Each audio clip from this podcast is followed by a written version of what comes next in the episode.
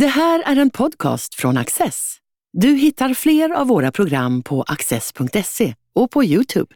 Mycket nöje! Insats pågår är polismästaren Mikael Fetts berättelse om ett liv i samhällets tjänst. Han var med om att grunda den svenska nationella insatsstyrkan och förbereda svensk polis på att förekomma och hantera terrordåd. Han talar med Adam Sveiman om hur brottsligheten förändrats, blivit råare och vad det har inneburit för polisen. Mikael, du har ju en, en, en väldigt lång karriär inom polisen och då, det känns nästan som att du har gjort i stort sett allting man kan göra inom polisen. Men var, var, var någonstans började det? Vad fick dig att bli polis? Ja, eh, det var nog en tillfällighet.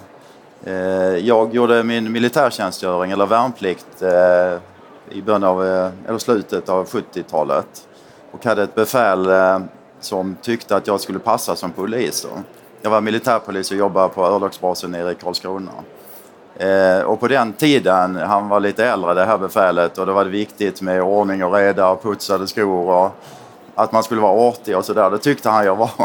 Så då eh, sa han, jag tycker du ska söka Polishögskolan. Jag hade faktiskt inga planer överhuvudtaget på att söka till polisyrket. Utan min plan var att när jag hade gjort min militärtjänstgöring så skulle jag resa jorden runt med en ryggsäck ungefär. Och sen skulle jag se vad som skulle hända sen. Men jag tänkte, ja men jag söker in till polisutbildningen ändå. Eh, för på den tiden så var utbildningen betald.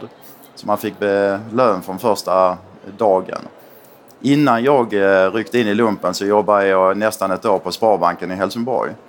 Eh, och eh, lönen nu när jag kom till polisutbildningen var 500 kronor högre i månaden också. Eh, men när jag kom innanför grindarna i Sörentorp i Stockholm, precis norr om Stockholm, så kände jag oj, vad trevligt. Och när utbildningen började då, då kände jag nej, det här verkar någonting för mig. Och sen den dagen faktiskt har jag alltid trivts att vara polis och varit oerhört stolt över mitt yrkesval. Du ville ett tag bli stridspilot också, var, var det inte så? Ja, det ville jag. Det var liksom sådär drömyrke. När jag var liten på 60-talet så åkte vi ofta, eller en gång per år med mamma och pappa och syskon till Ängelholm eller Ljungbyhed och tittade på flyguppvisning. Och då eh, kände jag att det där verkar trevligt och roligt. Så.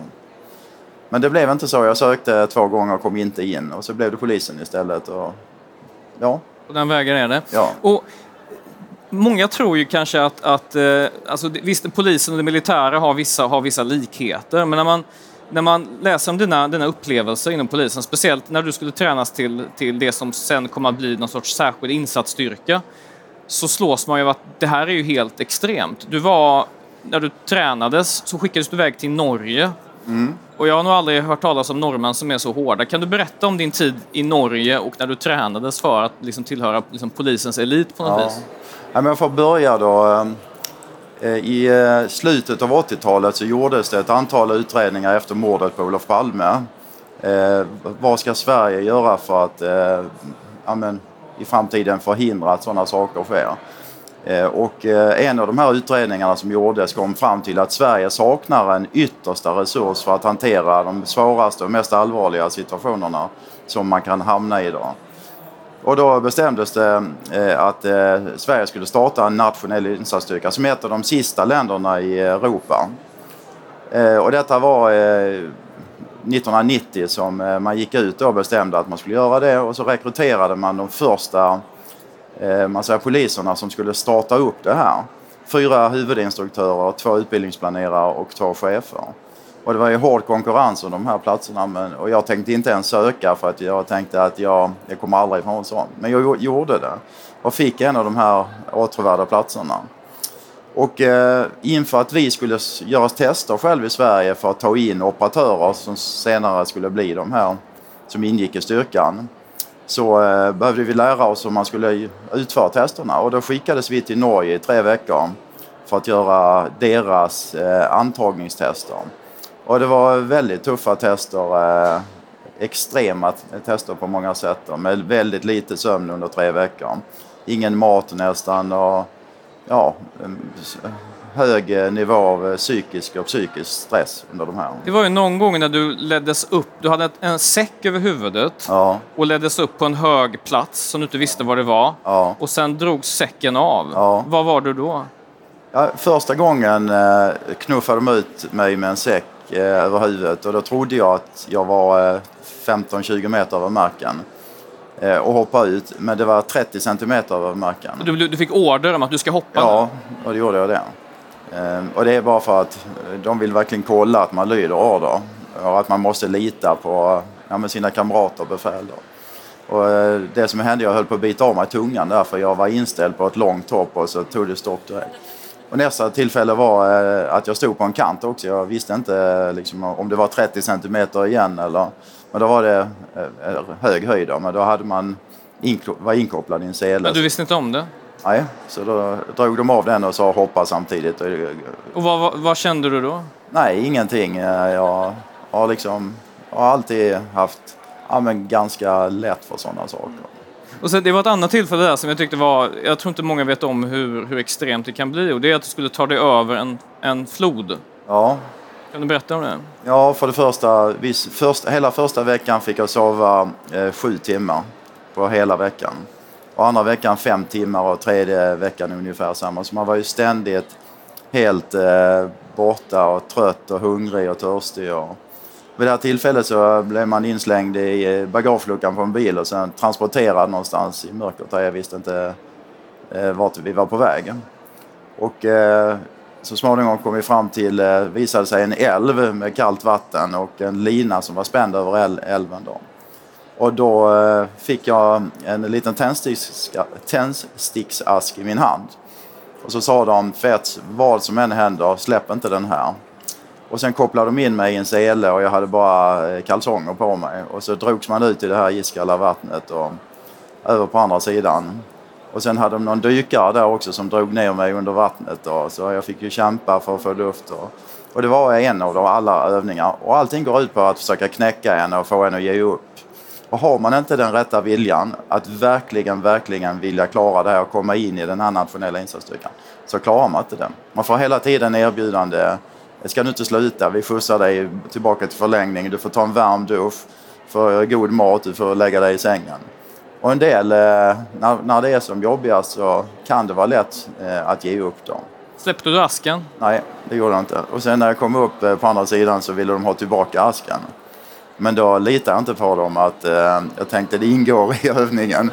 Så jag gav inte dem asken och det slutade med att de skrek din jäkla svensk-idiot eller någonting sådär på norska. Men jag, jag har den kvar hemma fortfarande. Du har det? Du har fortfarande inte släppt den? Ja, nu har jag släppt den och lagt den i låda. ja.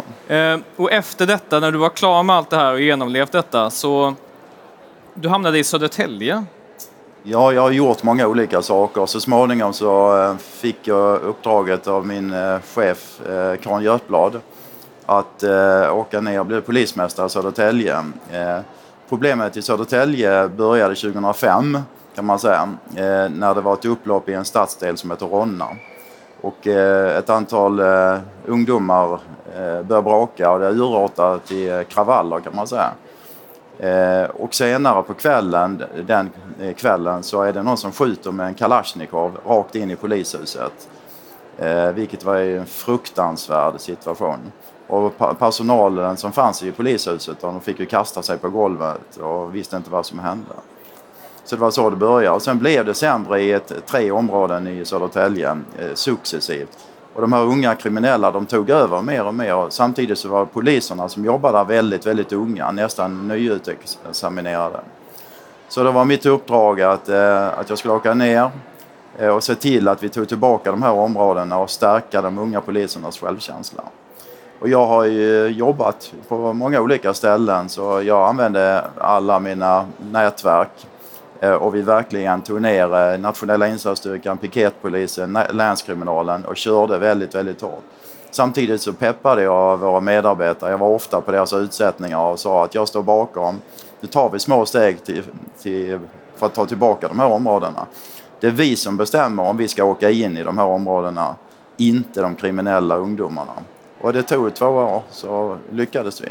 Och en viktig eh, faktor till att vi lyckades det var också att vi lyckades mobilisera hela samhället. Så jag fick bilda ett chefssamråd med ja, men, eh, höga chefer från Scania och eh, AstraZeneca, chefsåklagare, lagmannen eh, och andra ja, men viktiga personer och vi tillsammans bestämde nu gör vi det här.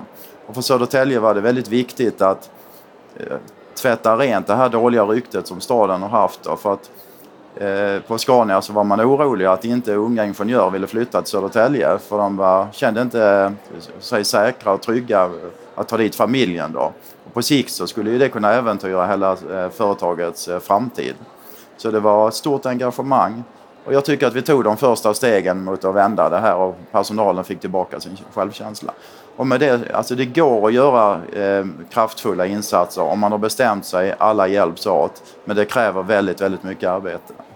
Du beskriver ändå att Södertälje var, liksom, det var en, en, en avgränsad stad på något vis. Alltså det gick att greppa. Det var på Ja. något sätt, även om det ligger så nära Stockholm, Ja. så är det liksom det... Ja men det är en Det- liten, det- ja. liten stad och för övrigt en fantastisk stad. Nu måste jag göra lite reklam för Södertälje som jag inte har någon knytning till i övrigt. En fantastisk stad, otrolig entreprenörskap i staden, många fantastiska människor. Eh, Men som ligger lite isolerad med grönområden runt kan man säga. Så det var lätt att få grepp som polischef i den staden. Och jag hade eh, därmed också väldigt bra inblick och koll i de operativa frågor som vi hela tiden arbetade med.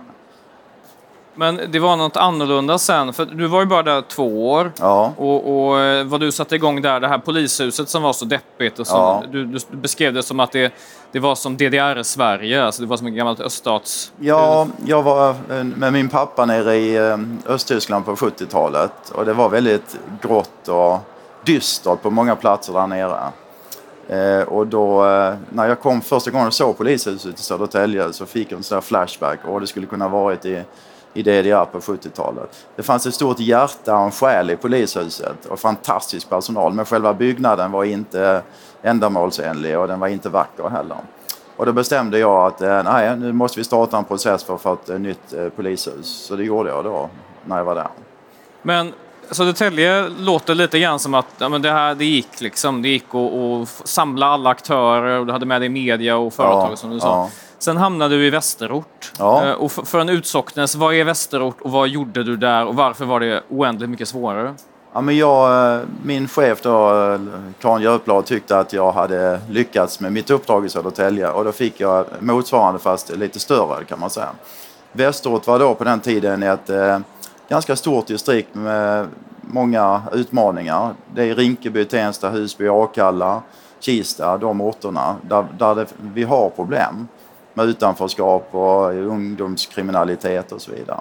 Sen har vi också Drottningholms slott och, och Haga slott där de kungliga bor. Och sen har vi Ekerö som är en ganska ja, men välbeställd eh, stadsdel kan man säga. Då. Så att det finns en mycket större blandning. Och allting var så utspritt så som polischef så var det svårt att greppa hela verksamheten och de stora operativa frågorna om jag jämför med en liten stad som Södertälje. Men vad, vad var så att säga... Du har ju det här tidsperspektivet som är rätt mycket längre än vad många andra poliser har. Vad var det som var så svårt just i de här, de här utanförskapsområdena för polisen när du började där? Ja, för det första så var det ju väldigt svårt ibland för poliser att ta sig in i vissa kvarter eller i områden därför att de kriminella var så eh, utåtriktade, aggressiva kan man säga då. Så det fick vi ju arbeta väldigt hårt med. Många av poliserna som jobbar där ute är väldigt unga och har ingen erfarenhet. Så det var också en stor utmaning att, jobba på samma sätt och ta tillbaka de här områdena. Och hur gör man då? Man ger inte upp, man stödjer personalen, peppar dem, står bakom dem, visar tydligt att vi som chefer eh, stödjer dem i olika, på olika sätt. Då.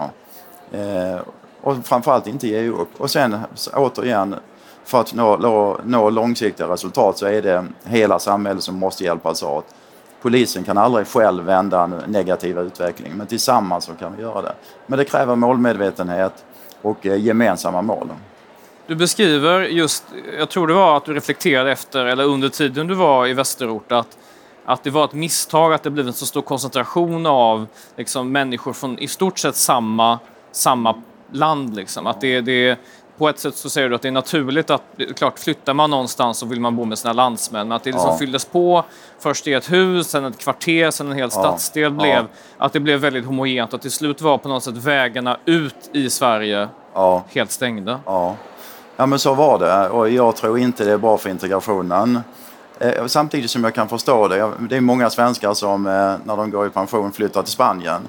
Och det är klart om man kommer ner dit så kan det vara trevligt att bo med sina landsmän. Och de har ju resonerat på samma sätt då. Och det har jag största förståelse för. Men ur ett integrationsperspektiv så är det inte bra. För det blir att man lever sina... Man har sina egna normer, och värderingar och kanske till och med eh, lagar och regler hur man löser sina problem och sådär. Så man hamnar, eller de, många av dem hamnar utanför samhället och kommer inte in och får inte jobb och lär sig inte språket. Och så växer de unga upp i de här miljöerna. Som, eh, så sett ur ett integrationsperspektiv så tror jag inte alls det är bra. Du beskriver att det finns någon sorts hierarki när man vänder sig till, till, eh, till det offentliga. Liksom att först kommer farfar, morfar, alltså så här, släkt, släkt, släkt, släkt. Och absolut sista ledet mm. så vänder man sig till polisen mm. eller det offentliga ifall det händer någonting. Ja, men eh, när jag fick jobbet i Södertälje så fick jag ett eh, gott råd av, av Karin Götblad.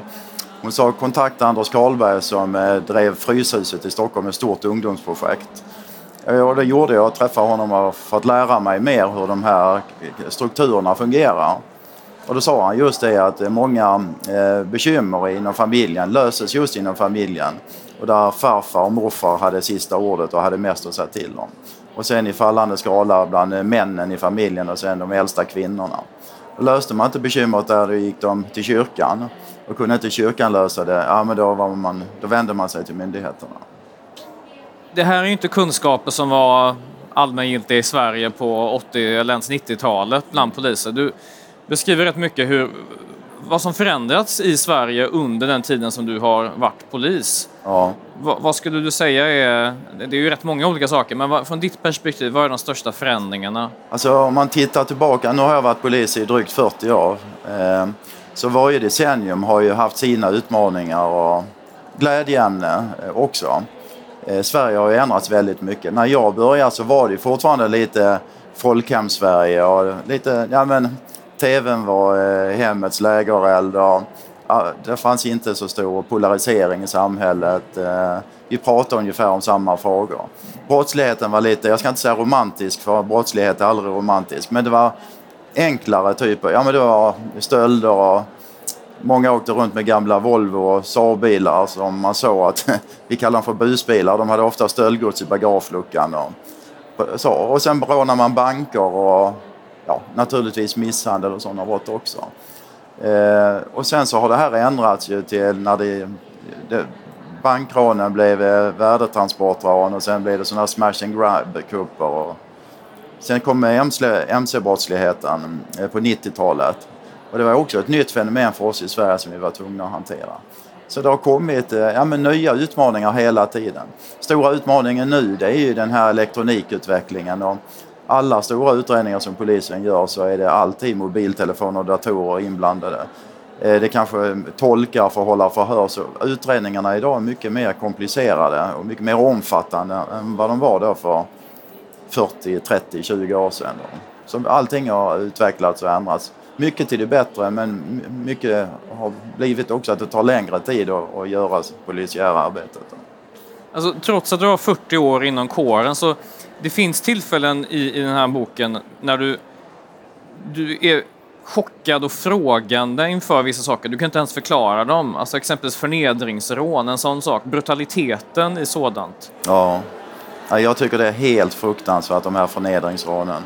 När unga eh, kriminella rånar eh, andra unga, ofta yngre eller barn och förnedrar dem på olika sätt i samband med det här rånet till, eh, alltså, det, det går inte intellektuellt att förstå vad syftet skulle vara. Eh, det, jag du har ingen aning om vad... Nej, inte men att jag tycker det är fruktansvärt och eh, ja, det är hemskt alltså. Det, det, har ju skett de senaste 20 åren en sorts eh, sammanblandning mellan liksom det kriminella, den kriminella världen och att civila drabbas i större utsträckning jämfört med tidigare där brottsligheten var på något sätt lite avdelad. Ja. Men nu läcker det över hela tiden. Vad, ja. vad, tänker du om den förändringen? Ja, det är också en eh, fruktansvärd förändring som vi har förutspått att det skulle kunna ske.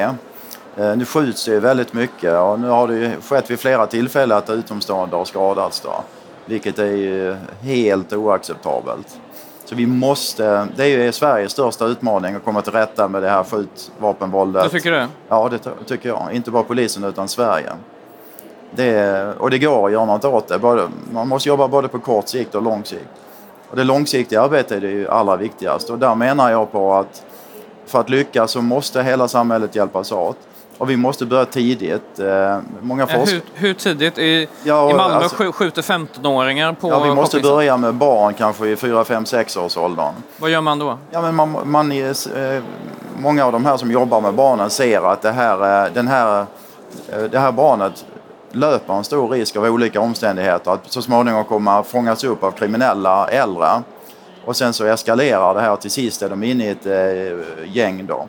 Och vad jag menar är att samhället måste gå in med åtgärder väldigt, väldigt tidigt. Göra handlingsplaner, hjälpa och vara stöd till föräldrarna. Och det är väldigt svårt många gånger för föräldrarna. Det kan vara en ensamstående mamma som har många barn och bor trångt. Och det är inte så lätt för henne liksom att hålla koll på sina barn och vad som händer. Och gör hon inte det så um, kan de här påverkas av, av eh, lite äldre då som kanske har prylar och grejer som är attraktivt och då vill den här unga också ha det. Och där måste vi gå in eh, och göra åtgärder, göra handlingsplaner. Hela samhället, alla relevanta aktörer. Och det kommer att kosta pengar. Och jag tror att det måste, vi måste förstå och inse att det kommer att kosta pengar och att vi måste lägga de pengarna på det här. För på längre sikt så är det ändå en vinst för hela samhället. Men du beskriver exempelvis eh, den stora polisreformen där ja. polisens styrning centraliserades väldigt ja. mycket. Att det fanns fördelar med det och det är en väldigt omstridd reform. Ja. Men du, du, beskriver också hur det här var, det dränerade landsbygden på polisresurser. Samtidigt så har man ju sett nu, och det har ju flera poliser vittnat om, att det vi ser som brottsmönster i de stora städerna, Malmö, Göteborg, Stockholm, ja. det finns även på mindre orter. Det kan jag också vittna om. Det sprider sig tyvärr ut i landet och, och även eh, som är ganska påtagligt nu på sistone, att det sprider sig norrut i Sverige, uppåt. Då. Och då, eh, min eh, bedömning är att kriminella gäng som är tongivande i de större städerna ser att det finns en marknad som är outnyttjad i vissa städer, framförallt nu längre upp i Sverige och försöker etablera sig där. Då. Så det är en väldigt trist utveckling. Och hur löser man det med, med begränsade polisresurser? Det finns ju platser där de kriminella i princip vet att här kan vi begå ett brott utan ja. att det kommer en polis för vi vet vart de är placerade ungefär. Polisen ger aldrig upp utan vi kämpar med de resurserna vi har. Och nu eh, ska ju vi bli väldigt, väldigt många fler poliser. Vi ska gå nu från 22 till 26 000 fram bara eh, inom något år. Då. Och vi anställer civila eh, experter också. Så att eh, det sker en kraftig eh, expandering kan man säga av polisen som är nödvändig som vi har efterlyst i många år. Men nu finns det en stor bred politisk eh, eh, överenskommelse om att det ska bli så. Då. Ja. Den senaste tiden har du jobbat med, med eh, terroristbekämpning ja. eller med liksom insatser mot pågående eller förebyggande. Vad, vad, ser du? Sverige har ju drabbats av två, två större terrordåd. Ja. Vad, vad, ser du som, som det huvudsakliga arbetet där? Vad är din ja, men, 2015 eh, så kom eh, regeringen med en terrorstrategi som talar om hur myndigheter ska arbeta för att förebygga terror, förhindra terror, försvåra terror och hantera terror när det händer. Och alla de här fyra orden betyder något speciellt. Då. Och eh, polisen och säkerhetspolisen är väldigt viktiga, de kanske allra viktigaste aktörerna i regeringens terrorstrategi. Så min uppgift är att eh, för polisen i Stockholm se till att vi jobbar på alla fyra områdena. Av tradition är vi ganska duktiga på att hantera terrorattentat när det har hänt. Vi är snabbt på plats. Vi sätter igång jakten på gärningsmannen. Vi utrymmer, vi avspärrar. Vi inleder teknisk undersökning, vi inleder eh, förundersökning, vi pratar med vittnen och, och så vidare. Det kan vi. Men i det förebyggande arbetet som är det allra viktigaste, där finns det mycket mer att utveckla och göra. Och det har vi börjat med nu då, så varje lokalpolisområde i Stockholm, det är 19 områden, eh, håller på att ta fram handlingsplaner för hur de ska jobba i sitt område. För det kan se lite olika ut beroende på förutsättningarna eh, för att förebygga terror. Då. Och då, eh, tanken med det här är att alla medarbetare, oavsett vad man gör inom polisen, eh, ska ha kunskaper som ger dem eh, Ja men eh, om de känner att de träffar en person eh, och det känns inte bra i magen, den här människan håller på att, eller löper risk att eh, radikaliseras eller rekryteras in till de våldsbejakande miljöerna så ska man veta då som polisanställd vad ska jag göra, vem ska jag prata med och hur hanterar vi den här människan då? det, det tycks ibland som att alltså, mycket av det som kommer åt den organiserade brottsligheten, eh, rekrytering neråt i åldrarna, men även radikalisering och så. Det, ja. det går bort från det bara det brottsbekämpande till liksom det sociala, det sociologiska nästan. Hur långt kan, så att säga, hur nära befolkningen ska polisen vara? Liksom, ska polisen vara i, i skolan för att liksom snappa upp eller? Ja, jag tycker det. Vi ska vara ute på alla platser där människor finns och vara tillgängliga och prata med människor. Och inte minst i det här syftet nu som jag nyss nämnde.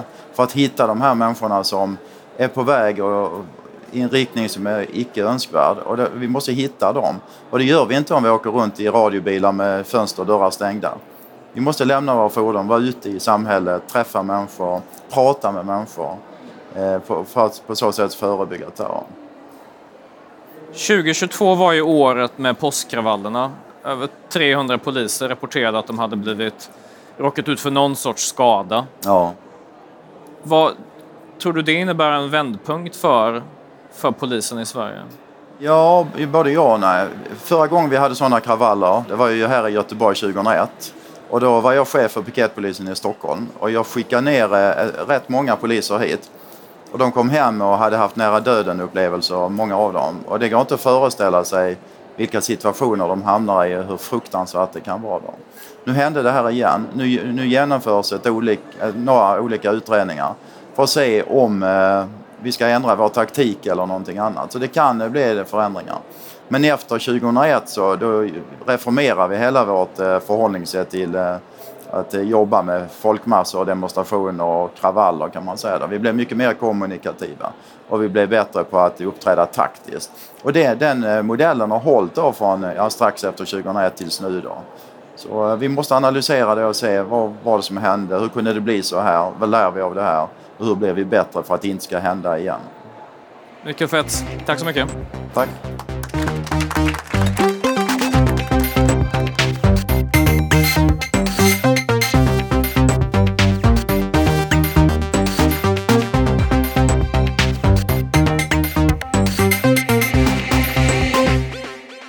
Just lyssnat på en podcast från Access. Du vet väl att vi också är en tv-kanal och tidning? Teckna en prenumeration idag på access.se.